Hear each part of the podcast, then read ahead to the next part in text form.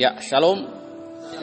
Oke, mari kita sama-sama belajar dari Mazmur 7 ya. Mazmur 27 kita akan lihat ada enam hal penting bagi kita dari Mazmur ini. Ya, hari ini judul renungan kita adalah optimisme Kristen. Siapa yang bisa menjelaskan arti optimisme? Optimis. Tidak. Optimis selalu berpikiran yang positif. Jawabnya suara agak besar ya. Markus, Markus pernah mendengar kata optimis? Julius, ya, Pernah mendengar kata optimis enggak? Pernah? Pernah? Pernah selama Markus ada di Tabanan, Julius ada di sini, pernah dengar kata optimis enggak? Kalau belum pernah jujur, biar kita pindah. Belum? Belum pernah dengar optimis ya? Ya, Tiburtius sudah pernah dengar? Tiburtius? Belum? Belum juga, sudah tidak apa-apa. Moses sudah pernah dengar kata optimus? Eh, optimis, kalau optimus itu film ya robot ya itu. Optimus Prime ya film apa tuh? Ya masih sudah pernah dengar kata optimisme? Optimis lah. Belum pernah? Belum pernah. Yehuda Levi sudah pernah dengar kata optimis? Ya? Pernah? Apa optimis? Memikirkan hal-hal yang positif Harry. Tetap pada satu tujuan. Bagus. Markus Markus pernah dengar kata optimis? Belum. Ilu? Tidak melenceng dari jalan Tuhan. Pernah sebelumnya pernah dengar kata optimis? Pernah. Nah, jawab dengan jujur ya kalau pernah dengar, pernah dengar. Kalau belum pernah, belum pernah. Pengakuan itu hal yang baik. Pantang menyerah. Tidak tahu. Bukan tidak tahu artinya. Pernah dengar kata optimis? Iya, pernah. Yang ketiga orang berbicara dengan kamu kata kata optimis itu apa yang kamu dapat?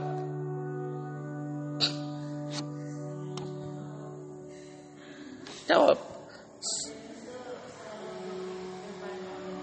Orang yang baik. Good. Optimis? Belum pernah dengar ya? Jangan menyerah. Tapi pernah dengar kata optimis? Orang apa? Berpengharapan. Sefa? Iya, Pak. Tak terus maju jangan mundur. Kemauan dari dalam hati. Ya, ada kata-kata yang bagus, kemauan dari hati. Terus apa tadi? Terus maju.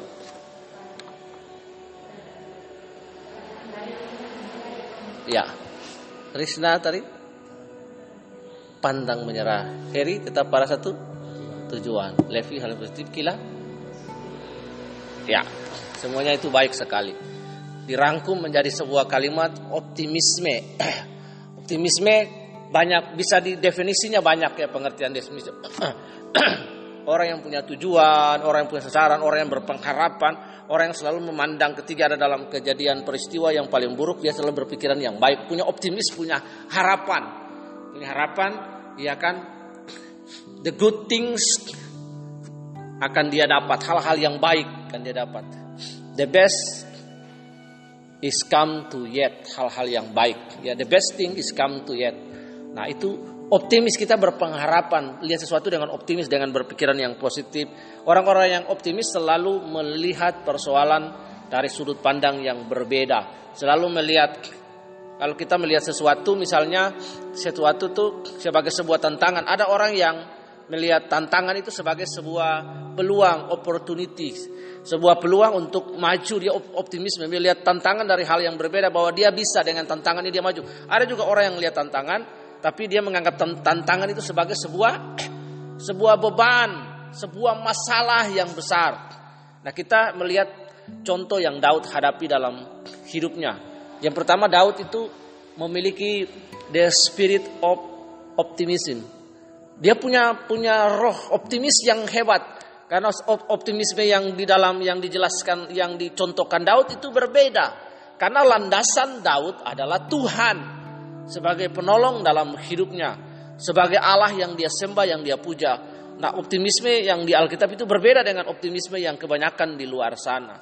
Nah, optimisme ini dilandasi bahwa Tuhan di atas segala sesuatu dalam kedaulatan, dalam kehendaknya, rancangan Allah yang baik terjadi atas hidup kita. Nah ini yang lihat ketiga Daud ada di dalam sebuah peperangan orang Israel melawan Goliat.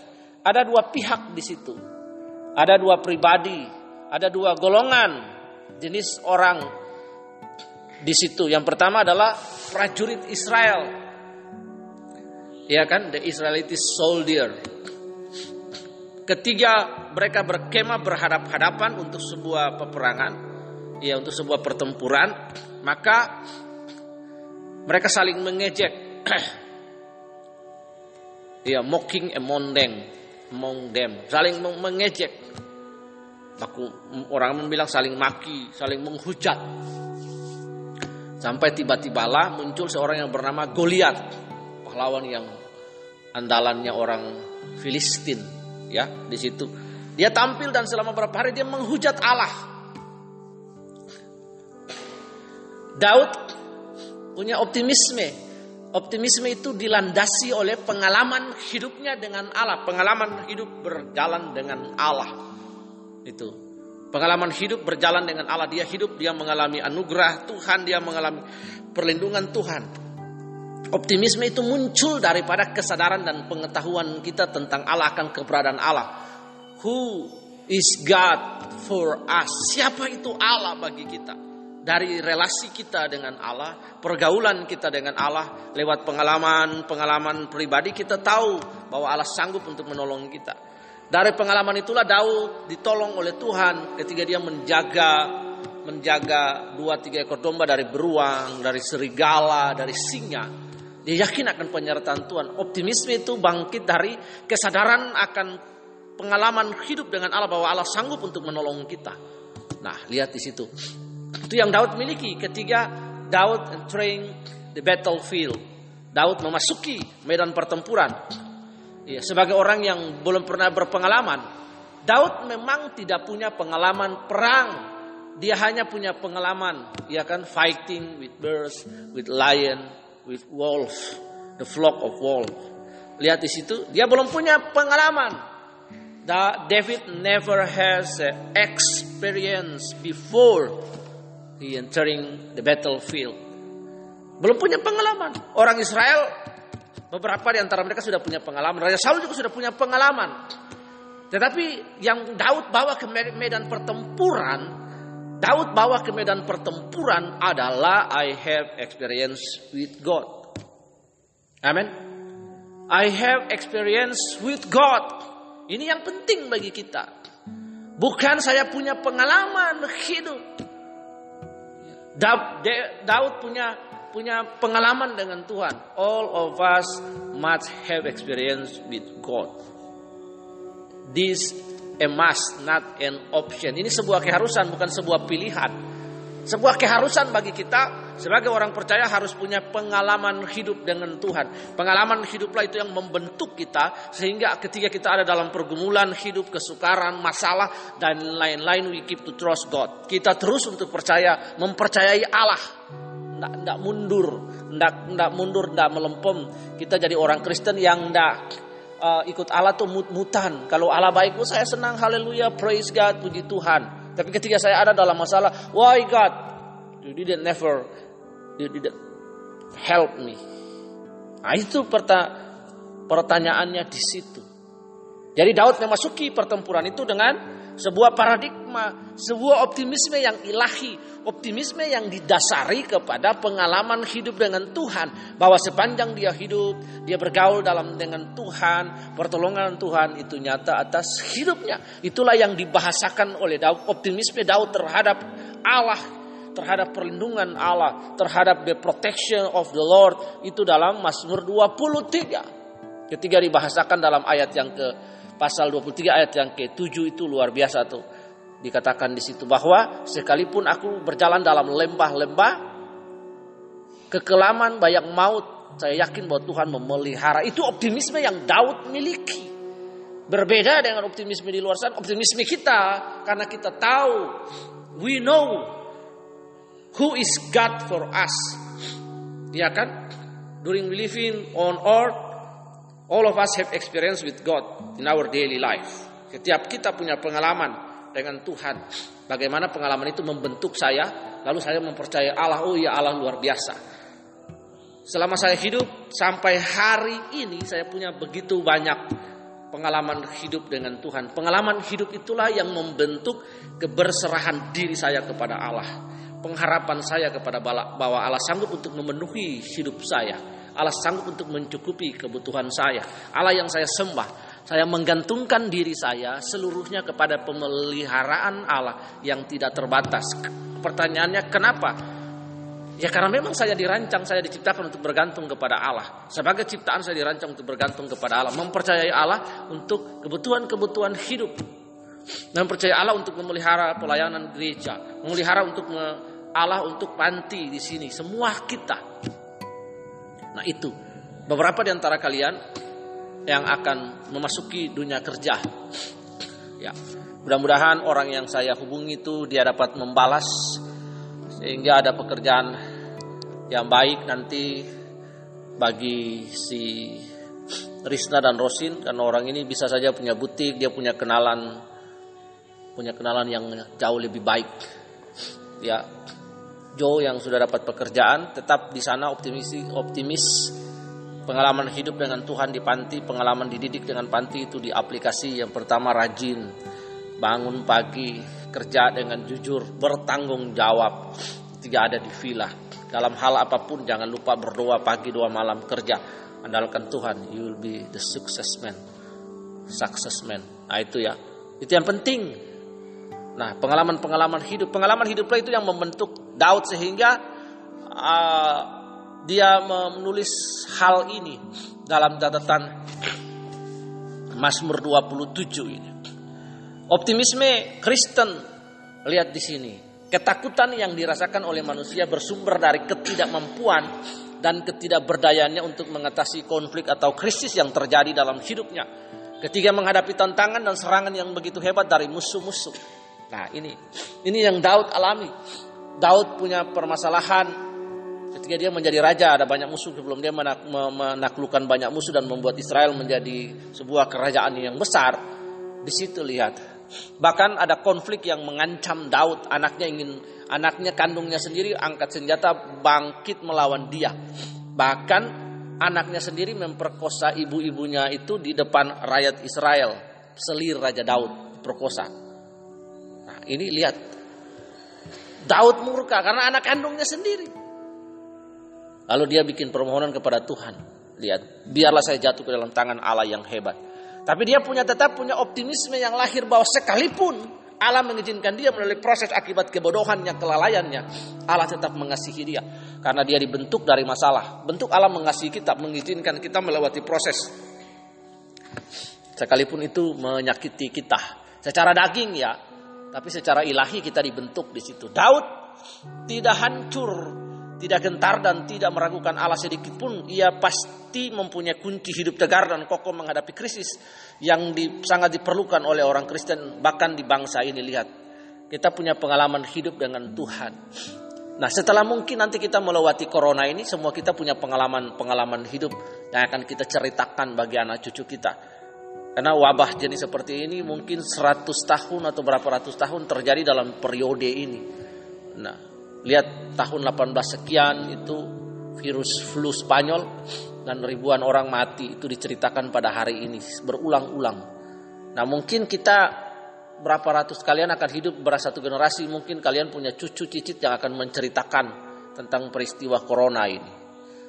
Lihat di sini. Baca ayat yang kedua. Sama-sama 2 sampai 3. ketika sudah tidak menyerangku untuk memakan dagingku ya.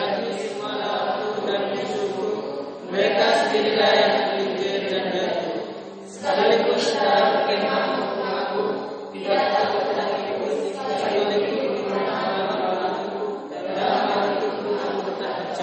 Ya, Daud tidak membiarkan pikiran dan hatinya dikuasai oleh krisis yang dihadapi sehingga hanya terpaku pada krisis saja. Yang ditulis dalam catatan-catatan Mazmur 27 ini. Sebaliknya, ia tetap memfokuskan pikirannya kepada kebesaran dan siapa Allah bagi dirinya. Pengenalan kita akan Allah itu memberi kita memberi kita pengertian, memberi kita nilai sehingga memberi kita nilai untuk terus mempercayai kepada Allah. Siapa Allah bagi Anda? Coba Anda jelaskan. Sama seperti orang bertanya kepada saya, kepada siapa siapa bapak saya bagi saya. Dia ayah kandung saya, dia sangat penting bagi saya, dia mengasihi saya, dia peduli dengan saya, dia memenuhi semua kebutuhan dasar saya, dia menyekolahkan saya. Itu bapak yang dapat kita indra, kita lihat, kita rasakan kasih sayang. Ya, tapi more than that, lebih daripada itu Allah. Siapa Allah bagi saya? Dia segalanya bagi saya. Dia menyelamatkan saya, dia menebus saya, dia memberkati, dia memelihara saya. Itu pengalaman itu yang dibawa Daud untuk masuk dalam battlefieldnya itu lihat di situ. Sehingga Daud berkata kepada Goliat, secara logika orang yang besar enam kaki mungkin 6 meter dengan Daud yang nggak terlalu besar, tapi Daud punya optimisme yang luar biasa. Mau anda lihat situ. Ditertawakan oleh oleh Goliat kan? Iya Goliat tertawa. Anjingkah aku? Kata Goliat, anjingkah aku sehingga engkau mendatangi aku dengan tongkat pemukul lembu, bukan pemukul anjing. Dia tertawa karena Goliat terlatih. Goliat masuk medan perang dengan pengalaman pertempuran. Seorang prajurit yang terlatih yang dari muda biasa memegang lembing. Nah itu pembawa pembawa tombak itu berdiri di sampingnya. Satu sama anak anak mata tombak. Dalam militer zaman dulu ada yang namanya perwira pendamping. Yang di sebelah suka bawa bawa lembing, pembawa pedang, pembawa tombak. Lihat di situ. Sekarang mungkin kita sebut kalau di TNI ada asisten. Yang orang sudah perwira ya punya ajudan. Dia memasuki dua orang sama-sama memasuki pertempuran. Daud tidak punya pengalaman perang, tapi dia punya pengalaman hidup dengan Tuhan. Goliat punya pengalaman perang, tapi dia tidak punya pengalaman hidup dengan Tuhan. Ini yang penting harus ingat. Siapa Allah yang Anda sembah itu yang menentukan. Siapa di belakang Anda itu yang menentukan. Behind us. Who behind us? Pertanyaannya. Anda jawab. Who behind us? Siapa di belakang kita? Jawab besar. Siapa di belakang kita? Aduh. Siapa di belakang kita? Ya, siapa di belakang kita? Tuhan. Ya. Tuhan di belakang kita. Ya, di belakang kita Tuhan. Tuhan di belakang kita. Itu penting. Pertanyaannya harus kita ingat. Siapa bersama dengan saya? Siapa yang saya sembah? Itu yang akan menentukan kualitas hidup saya iman saya, optimisme saya. Optimisme Kristen dibangun daripada pengalaman hidup setiap hari dengan Tuhan. Ada peristiwa-peristiwa hidup yang dihadapi, itu menguatkan dia punya optimisme ya. Ini yang penting karena yang pertama kita tidak terpaku kepada permasalahan-permasalahan hidup yang cenderung membesar-besarkan masalah. Jika kita berfokus kepada Allah, maka masalah apa pun akan terlihat kecil sehingga kita tidak akan gentar namun yang harus diingat adalah apa yang dilakukan Daud seperti yang diajarkan. Yang yang apa yang dilakukan oleh Daud bukanlah seperti yang diajarkan oleh kekuatan berpikiran positif. Ingat berbeda. Berpikiran positif itu berbeda dengan apa yang dilakukan oleh Daud. Daud percaya dan optimisme itu lahir daripada hubungan dengan Tuhan. Pikiran positif orang di luar sana juga punya pikiran positif. Ya tapi apakah dia punya pengalaman dengan Tuhan? Enggak Mau bukti? Anda lihat hari ini. Seorang yang bernama Mario Teguh. Tahu kisahnya? Hari ini dia di mana? Acaranya di mana? Anda cari Mario Teguh. The Golden Ways. The man who is standing in the biggest stake teach the people. Iya kan? About the golden ways. Iya. Hari ini cacat karakter. Tidak mengakui ah anaknya. Orang hebat. Karakter. Bangun optimis loh. Hmm. Karena cari situ Mario Teguh menyangkal anaknya. Sampai berpanjang-panjang menolak istrinya yang sah yang dia pernah tinggalkan istrinya. Lihat lihat sampai berbulan-bulan sampai lama sekali sidangnya itu diliput media massa. Dia nggak ngakui. Itu yang membuat reputasinya hancur. The Golden Ways karena sampai itu Alkitab adalah the Golden Ways. To us rule lebih daripada emas.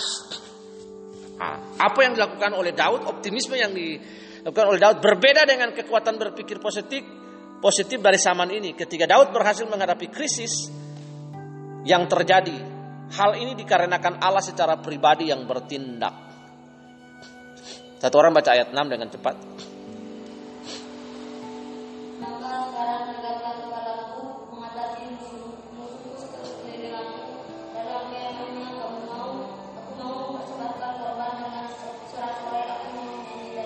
Ya, tindakan Allah ini bukan didorong karena kekuatan pikiran Daud, namun karena hubungan pribadi yang indah antara Daud dan Allah. Ayat yang keempat nanti baca. Orang yang mempunyai hubungan yang indah dengan Allah adalah orang yang tinggal di rumah Allah. Maksudnya apa? Orang yang memiliki deeply relationship with God. Orang yang suka menyembah. Orang yang suka meditate the word of God. Ya, yeah, not play game. When you wake up in the morning, you play game. Ya, yeah. tidak mandi play game yeah, bell ringing for lunch. Yeah, after lunch you play game. Yeah. Yeah, after lunch you play game. Yeah. And the bell ringing again for dinner. Yeah, after dinner you play game again. Yeah. Kalau ndak play game, you play card. It's okay kalau card lah, ya. Lihat.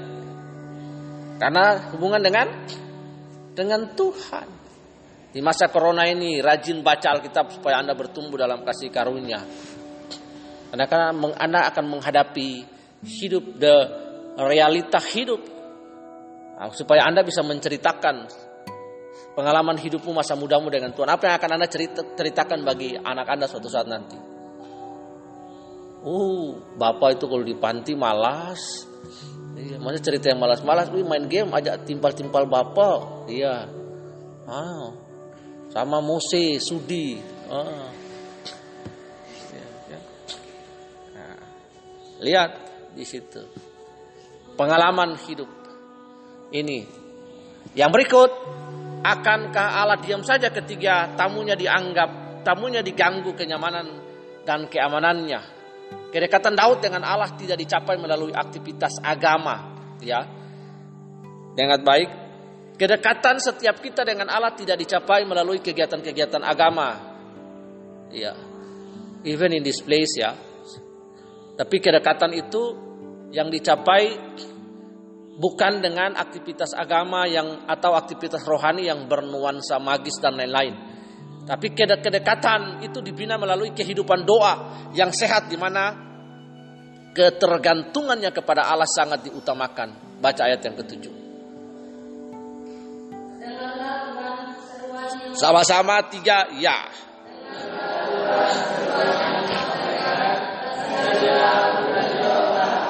Ya, lihat sekali lagi saya mau bilang kedekatan Daud dengan Allah tidak dicapai melalui aktivitas agama maupun aktivitas rohani yang bernuansa magis dan lain sebagainya tumbang-tumbang doa orang tumbang-tumbang nggak apa-apa orang tumbang. Tapi tumbang itu yang nggak terlalu penting. Yang yang penting adalah hidup berubah bukan tumbangnya nangis histeris. Ya kedekatan dengan Allah dibina melalui kehidupan doa yang sehat di mana ketergantungannya kepada Allah sangat diutamakan. Ini yang penting kita harus ingat. Ya harus ingat baik-baik sekali memasuki dunia kerja, kita belum punya pengalaman apa-apa. Ya, pengalaman akan dimulai ketika hari pertama Anda bekerja. Dari situlah Anda masuk hari sampai 360 hari, kemudian berikut lagi, berikut lagi. Pengalaman itu membentuk Anda. Ingat satu pribadi yang tidak boleh Anda lupakan adalah Allah.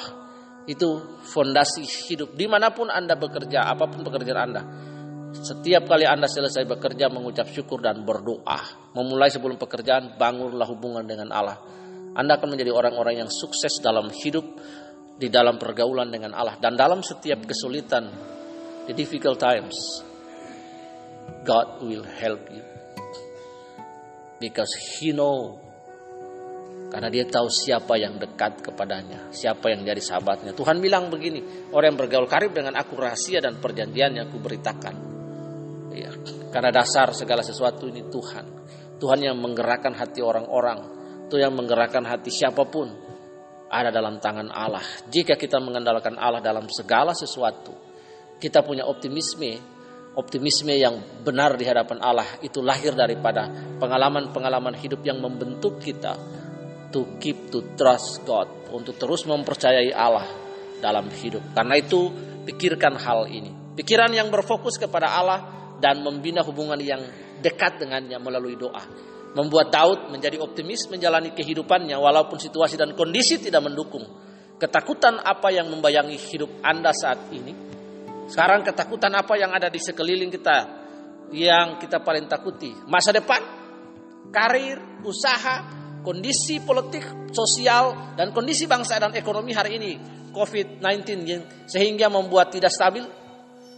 Mari kita memiliki dua hal yang seperti Daud dilakukan oleh Daud. Optimisme Kristen yang benar adalah optimisme yang lahir dari hubungan kita dengan Allah, mempercayai Allah dalam setiap peristiwa hidup bahwa Allah sanggup menolong kita dalam berbagai-bagai hal yang kita hadapi. Mari tunduk kepala dan kita berdoa. Ya Tuhan Allah Bapa di surga kami bersyukur karena kami yakin optimisme kami adalah optimisme yang baik dan benar di hadapan Allah yang lahir dari pengalaman kami, pengalaman hidup, peristiwa-peristiwa hidup di mana campur tangan dan pertolongan Allah.